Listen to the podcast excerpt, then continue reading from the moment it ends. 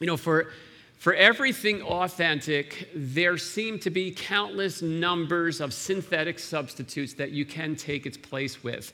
Uh, artificial pl- sweetener uh, can take the place of, of real fruit. Uh, sweet and low sugar can be the substitute for real sugar, right? Uh, tofu apparently can take the place of anything. Um, and doesn't really taste that good no matter how hard you try, at least in my, in my perception. Um, but there's so many man-made knockoffs that oftentimes serve as poor substitutes that just don't seem to do it. And when it comes to matters of faith, religion um, is oftentimes the synthetic substitute for an authentic heart level relationship with the living God. So I want to take a look at this idea of religion, of man made religion. What's all about rules and rituals and human effort. Um, that takes the place of a satisfying, life giving, real thing that God originally created his people for. Uh, not just to follow lists of rules, but to be connected together in relationship, doing life with him. And in, in the book of Philippians, a letter that uh, the Apostle Paul wrote, he shares a story of how he came to lose that lifeless religion and how he replaced it with a relationship that was so much more than what religion could ever offer him. And so we're going to look through his story and just read it and read, listen to him tell his own story. If you have a Bible with you, you can open up to Philippians chapter 3, or you can also just follow along. It's going to be on the screen behind me. And, and, uh, and I want to take, invite you as we go through this story to just kind of take a look at your own life, maybe, take stock, and maybe ask yourself Have I settled for a lifeless substitute, for a man made religion? And maybe if that is the case and you find yourself there, today would be the day um, to lose your religion and to pick up something so, so much greater. So we're going to read. Uh, Philippians chapter 3 starts with uh, verse 1. It says this Finally, my brothers, rejoice in the Lord. To write the same things to you is no trouble for me and is safe for you. Look out for the dogs, look out for the evildoers, look out for those who mutilate the flesh, for we are the circumcision, who worship by the Spirit of God and glory in Christ Jesus and put no confidence in the flesh, though I myself have reason for confidence in the flesh also. If anyone else thinks he has reason for confidence in the flesh, I have more circumcised on the eighth day of the people of Israel, of the tribe of Benjamin, a Hebrew of Hebrews as to the law, a Pharisee as to zeal, a persecutor of the church as to righteousness under the law, blameless. But whatever gain I had, I counted as loss for the sake of Christ. All right, we're going to stop there. And uh, Believe it or not, there's probably very few of you who were here at the time, but uh, if we were to backtrack 18 plus years ago when we first started Lakeview Community Church and, and opened up in Carmel, Carmel High School in Casey Hall, um, this was the passage that I preached on. And uh, as far as I know, I've checked, and it's still, I think I'm still the only guy who, who launched a church preaching on a passage about circumcision. Um, I haven't gotten any prizes for that. Um, but actually, that's not really what this passage is all about. Um, you know, that's only the backdrop, and once we make our way through the setting and through the context, what emerges is, is this issue of the emptiness, the futility of trying to earn God's acceptance through human effort. And this passage is ultimately it's answering one of the most critical questions in life. The question is this What do I have to do to get right with God? What does it take? Is, is getting right with God the outcome of doing the right things, or is it something else? Is it being connected to the right relationship? Two very different answers to one critical question that leads someone's life in very different pathways on a very different trajectory. So, so in Paul's day, this, this ritual of, of circumcision. It was at the foundation of, of the Jewish tradition that the original Christian faith emerged out of. Circumcision was that original covenant sign. It marked the relationship between God and his chosen people. But over time, that ritual actually came to replace the relationship that it was intended and put in place to symbolize. And by Paul's time, people believed that it was that act of circumcision itself that made a person right with God. That's what made them acceptable before God. And at least, I guess that just applied to the guys. I'm really not quite sure how they applied that one to, uh, to women back then, but um, I'm sure someone could write about that. But the idea was basically this here's what you've got to do to get right with God you got to go under the knife, right? And, and religions today still have their own lists of here's what you need to do get baptized. Keep these commandments, do this many good deeds, recite this many prayers, serve this much, on and on and on the list goes. The, the answer that religion gives to this question, what do I need to do to get right with God? It always answers with some kind of human effort. And it's always more human effort. And that kind of mindset, that kind of orientation was pushing its way into the early church back then. And, and if it took hold, it would completely undermine the message of grace, the message of the gospel that Jesus came for. And so there was this group uh, there who were saying, okay, guys, you may be Christians, you may be Christ followers, you've trusted in Jesus, that's fine and that's well, but you can't be right with God until you've gone under the knife. That's, that's what it takes. That's really what it takes to be made right with God. And, and so Paul was not a fan of that group. Um, he actually uses some very strong language to describe them. He calls them dogs in this passage we just read. He labels these guys, he says, who mutilate the flesh. He says they're, they're, they're not just not nice guys, they're, they're evil. These guys are evil. And, and I'll just kind of supplement that with what he says in Galatians about this same group of guys he says, I wish these guys who think circumcision is that important, I wish they'd just keep going and cut the whole thing off. Um, sorry, I know that's a little bit too harsh and too graphic for a Sunday morning, but it's in your Bible. And one day, I'm going to do a sermon series on it is really in there, because you would be shocked at what's in your Bible. But Paul the Apostle actually says that. The reason why uh, he gets so bent out of shape about it is that it's the wrong message. It's the message of religion. Getting right with God, it's not a matter of human effort. It's not about what we do. It's the opposite. It's about what God has already done for us. Religion makes it all about human effort and human action. And that was something that Paul was very acquainted with. He says, This is what I had built my entire life around. He says, My whole life was about religious performance, doing the right things, presenting them to God, and trying to get God's approval. So he makes the point, in order to make the point, he kind of dusts off his resume. And he says, Guys, let me just show you what I've done. Let me give you the list. And he starts listing off all of his moral, all of his spiritual accomplishments, his righteous acts. And you know, truth be told, we all have a resume like that. You know, we, we keep that tucked away somewhere in our mental file and we take it out sometimes, you know. And here it is. This is, this is a list of all the reasons why we believe we're good enough for God. We can earn God's acceptance because I've got this and I've done this and I've done this. Here, God, what do you say? Right? That is the way the religious mindset operates. It tries to build up that resume all the time in hope that I've done enough, I've built it up enough, so when I finally stand before God, we hope He'll accept that and He'll let us in.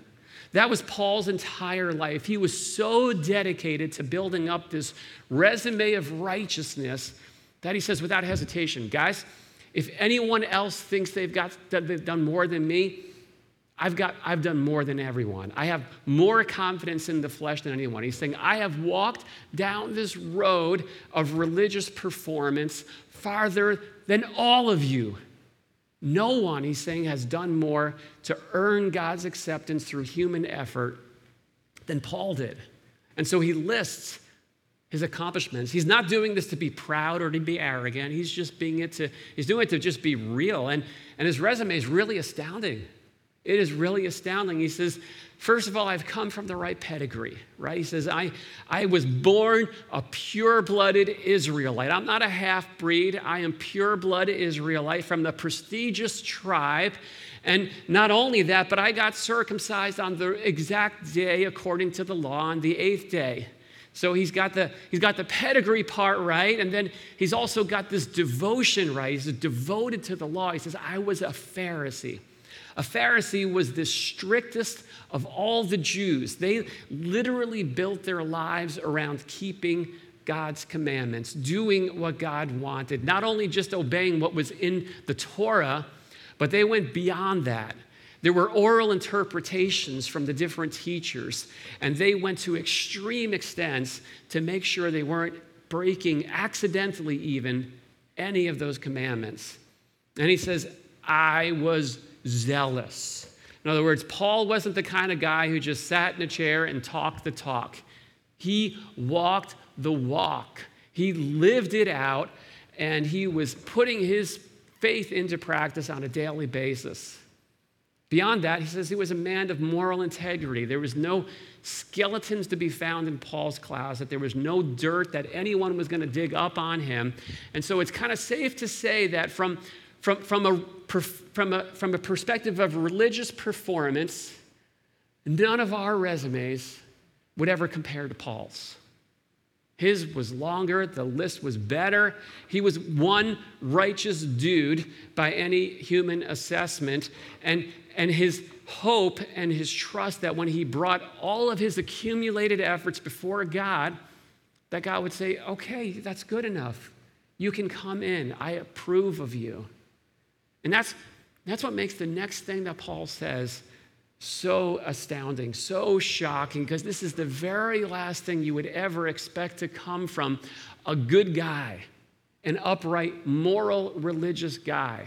He says this Whatever gain I had, I counted it loss for the sake of Christ. He says, I reached this point in my life where I just threw the whole resume away. I trashed it. The whole thing, every good work, every righteous deed, he said, I, I ripped it up and threw it away. Something, something changed there in Paul. And we're going to keep on reading and, and see what happened next, because this is the part where, uh, where story starts to get really interesting. Um, he says, Whatever gain I had, I counted as loss for the sake of Christ. Indeed, I count everything as loss because of the surpassing worth of knowing Christ Jesus my Lord. For his sake, I have suffered the loss of all things and count them as rubbish in order that I may gain Christ and be found in him, not having a righteousness of my own that comes from the law, but that which comes through faith in Christ, the righteousness from God that depends on faith, that I may know him and the power of his resurrection, and may share his sufferings, becoming like him in his death, that by any means possible I may attain the resurrection from the dead. So, so Paul found that this, this resume of, of religious credentials and accomplishments that he had built up, he said, it amounted to nothing more than a pile of garbage. The, the pastor says, I count it loss, and it says, I consider it rubbish. Those are both a little bit too tame when it comes to the actual translation. If you were to look at the Greek and compare it originally, it would be closer to an expletive. It would be, it would be the word you would use to describe manure, okay? Um, this, is, this is harsh. This is what he's saying. This is garbage. That's, that's where Paul says his list of, of righteous efforts belongs. He says the whole thing, when it comes to getting right with God, it's as useless as a pile of crap. And here's, here's what he's saying that human effort no matter how much, no matter how good, no matter how hard we try, no matter how much we do, can't ever make a person right with God. It cannot take you there. So he says, I threw that away and replaced it with something that's so much greater than empty religion. What lifeless religious ritual could never do, he said, I found that in a relationship, in, in knowing Jesus and coming to know Jesus, the righteous one. See, there's only one perfect resume, only one perfect life that's ever been lived in the history of humanity. It's Jesus. He pleased God perfectly. He lived a sin free life. He lived the life that you and me and no one else on this planet has ever lived. His resume is perfect, and that's what a holy God requires to be made right with Him. So Jesus lived that fully righteous life so that, that, that, that, that when he went to the cross and he died, so that he could get the death we deserved. And he did that so by trusting in him, his righteous resume, his perfect resume, could get applied to us and could be applied to our lives. That, that means that when you've placed your faith in Jesus, God no longer looks at you and sees this. You know, yeah, I've got some good stuff up here, ah, not so good over here. It's really not all that great, but it's the best I got. He doesn't see that anymore. He doesn't see our tattered list of successes and failures. Instead, he sees Jesus and his perfect righteousness. And he says, That changed my life. That changed everything. He says, Knowing Jesus has taken me places that the rules and the rituals never could. And so here's the thing if you come from a religious orientation, if, if what Paul's life looked like resonates with you, then, then realize this the very first step to losing your religion is recognizing that there is a need in your life that is beyond your ability to meet. That is step one. If you cannot get there, you cannot take the next step forward.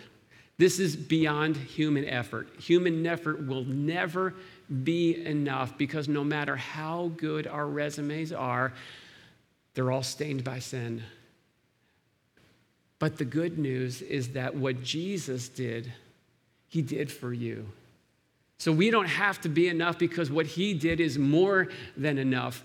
He did what we could never do ourselves. And that gets to the very heart of what we call here the gospel message, the good news that salvation, getting right, being approved and received and accepted by God, it's received, not achieved.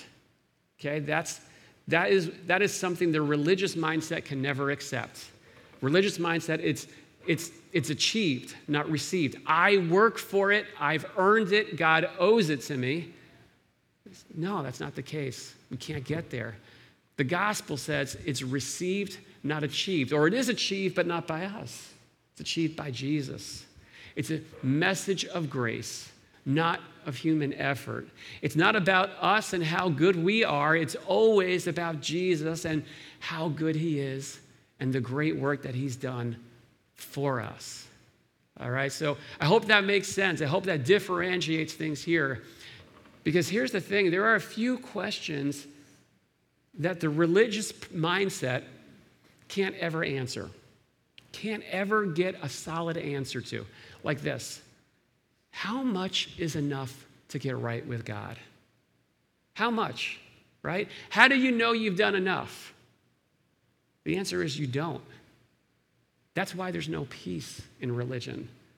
Religion, following rules, keeping rituals, it's grounded in insecurity you don't know the answer to that, so it's always more. I got to do more. I got to keep on trying. And it's exhausting. It is absolutely exhausting. By the way, here's another one. Uh, another thing uh, the common expectation for those with a religious mindset is this assumption that as long as my good outweighs my bad, I'll be all right. Have you heard that one? Are you familiar with that? You know, it's just like let's put them both on a scale. Uh, I've done some bad things, but I assume that the good that I've done is going to compensate for the bad. So, so here's what I want you to picture, right? Picture you're doing 75 and a 35, all right? And then you look in your rearview mirror and you see the flashing lights and you hear the siren and you pull over to the side of the road. The cop car's parked behind you, and uh, the officer walks up to your door and knocks on your windshield and, and says, Do you realize you were doing 75 into 35? And you say, Well, yes, officer, I do. But do you realize what I did this morning? Do you realize that I got up early and I emptied the dishwasher and I read my Bible and I prayed and I helped my elderly neighbor bring in groceries into her house? Do you think he's going to say, okay, you're good? I, the, the scales are evened. No, he's not. That's ridiculous. That's absurd, right? You've broken the law and that is an issue that needs to be dealt with in and of itself. And yet, when we extrapolate this to spiritual things, we assume on God that this is the way it's going to go. Please check your assumptions at the door. Religion can't resolve these issues. It just can't. These are issues that need to get dealt with, and the message is only Jesus can. And the good news is that He has. And so you don't have to keep on working for it. You don't have to keep on trying. You can, you can receive it. You receive it by being connected to Christ, by being connected with Jesus, grabbing hold of his righteousness. And the good news is that what Jesus offers isn't some kind of transaction, like, okay, this is what you need, here you go, I'll give it to you. He doesn't give us his righteousness, he gives us himself. He's the answer. It's connecting our lives to Jesus by faith, trusting in Him, saying, Jesus, I want to open up space in my life for you. I want to do life with you in it. I want to make you the leader. I want to receive you as my Savior. You see, God's number one priority for our lives is not that we do religious stuff for Him, it's that we know Him, is that we're in relationship with Him. Paul says it this way I count everything a loss compared to the surpassing greatness of knowing Christ Jesus, my Lord. That's, that's the point. Knowing Him, making space to get to know this Savior who's alive, who wants to be a part of our lives. By the way, am I saying by this that uh, what we do doesn't matter? No, don't, don't make that kind of assumption. It's the difference of it being the outcome of our lives with Jesus versus the criteria and the prerequisite, okay? So that's the difference. But to Paul, Jesus wasn't just someone he knew or, or he, he knew about, he was someone he knew personally in a relationship, in a personal way that, that, that he can be known as. He says, This is Jesus Christ, my Lord. It's the, it's the, it's the subjects of personal relationship. And, and Paul never went back to playing religious games. That was over and done with, never to be returned. And it reminds me of uh, one of the movies that, as uh, young parents, uh, Diane and I watched several times with our kids.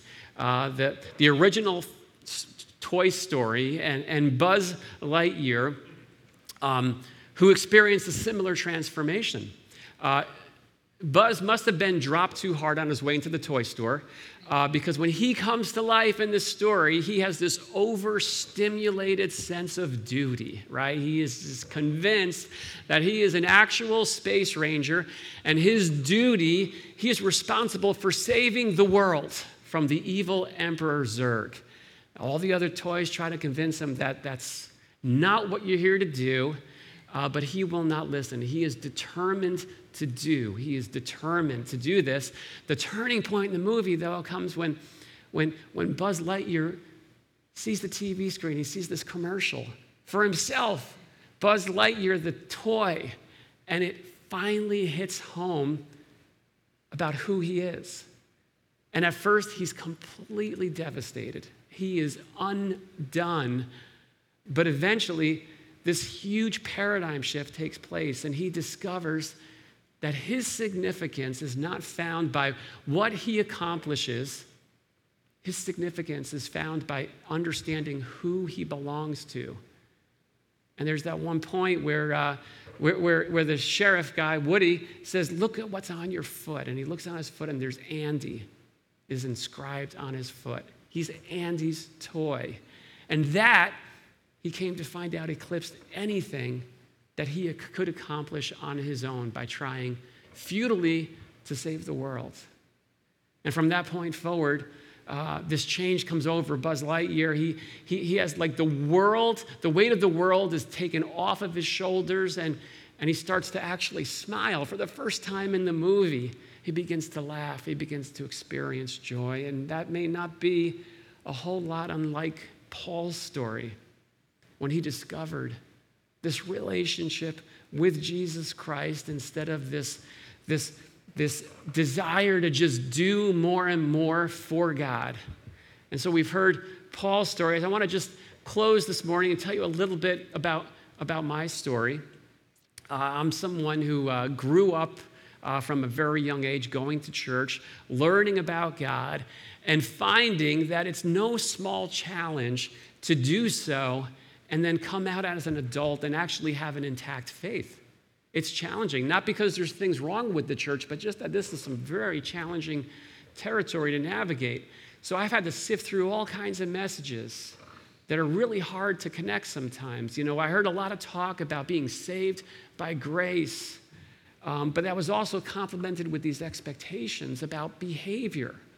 That what God really cares about is that we're good boys who behave right and do the right thing. And I just got to the point where I knew enough that God is real. I can't deny that.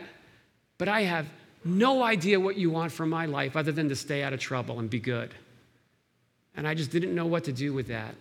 There was no sense of connection, no sense of vitality. And it wasn't until I began to discover what Paul discovered here this, this idea of God's love, of his acceptance for me through Jesus, having absolutely nothing at all to do with what I do, how I live. It's not tied to my behavior. It's not tied to my achievements. It's not tied to my performance. And I came to understand that the basis of God's love for me is found in Jesus and what he did for me. And as I began to build my life on that foundation, I discovered a God who cares. I discovered a God who is present. I dis- discovered a God who is more than I could ask or imagine. And I've stopped just seeing him as someone who basically just wants me to please him and is angry with me when I don't. Now I see him as someone that I get to know, that I get to to be in relationship with me. And the best advice I ever got as, as I was working through all this was someone just said, fall in love with Jesus. That's it. That's it. So that's, that's Paul's story. That's a little bit of my story. And as we close, I'll just ask, what's your story? Where, where are you at? You know, again, I don't want to make the point that we're not saying that what we do and how we live isn't important. Of course it is.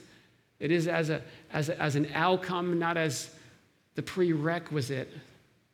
It's, it's allowing our lives to be lived with Jesus in them and just following where he leads. And what's fascinating is Paul says, This is so good that I wouldn't trade it for the world. He's writing this from, the, from a prison cell. He is in jail because of his faith in this Christ that he says surpasses anything that I could have had by that empty religious ritual. So, so let me just ask you do you, do you know Jesus? Do you know Jesus? The, the question is, as we say, what does it take to get right with God? Or the ultimate question, as we will ask as we stand before God ultimately, before eternity, and if He says, Why should I let you in? If all we got is our resume and we say, This is why, it's not going to cut it. There's only one answer that gets us in, and it says, I'm with Jesus. I'm with Jesus. I've received his resume. He has applied his righteousness to my life, And it's nothing more than a work of grace from start to finish. We find that He is more than enough. And He is always enough. And there is a, a part to living life with Jesus that is absolutely transformational and life changing. It starts by just simply responding in faith, by just saying, Jesus, I want to make space in my life for you. I want to know you as someone who is a reality in my life and not just some abstract person up in the heavens who I know I'm supposed to please, but I'm not quite sure what else to do with. And he responds to that, to that ask, to that prayer, and it's the start of a whole new life with him in it.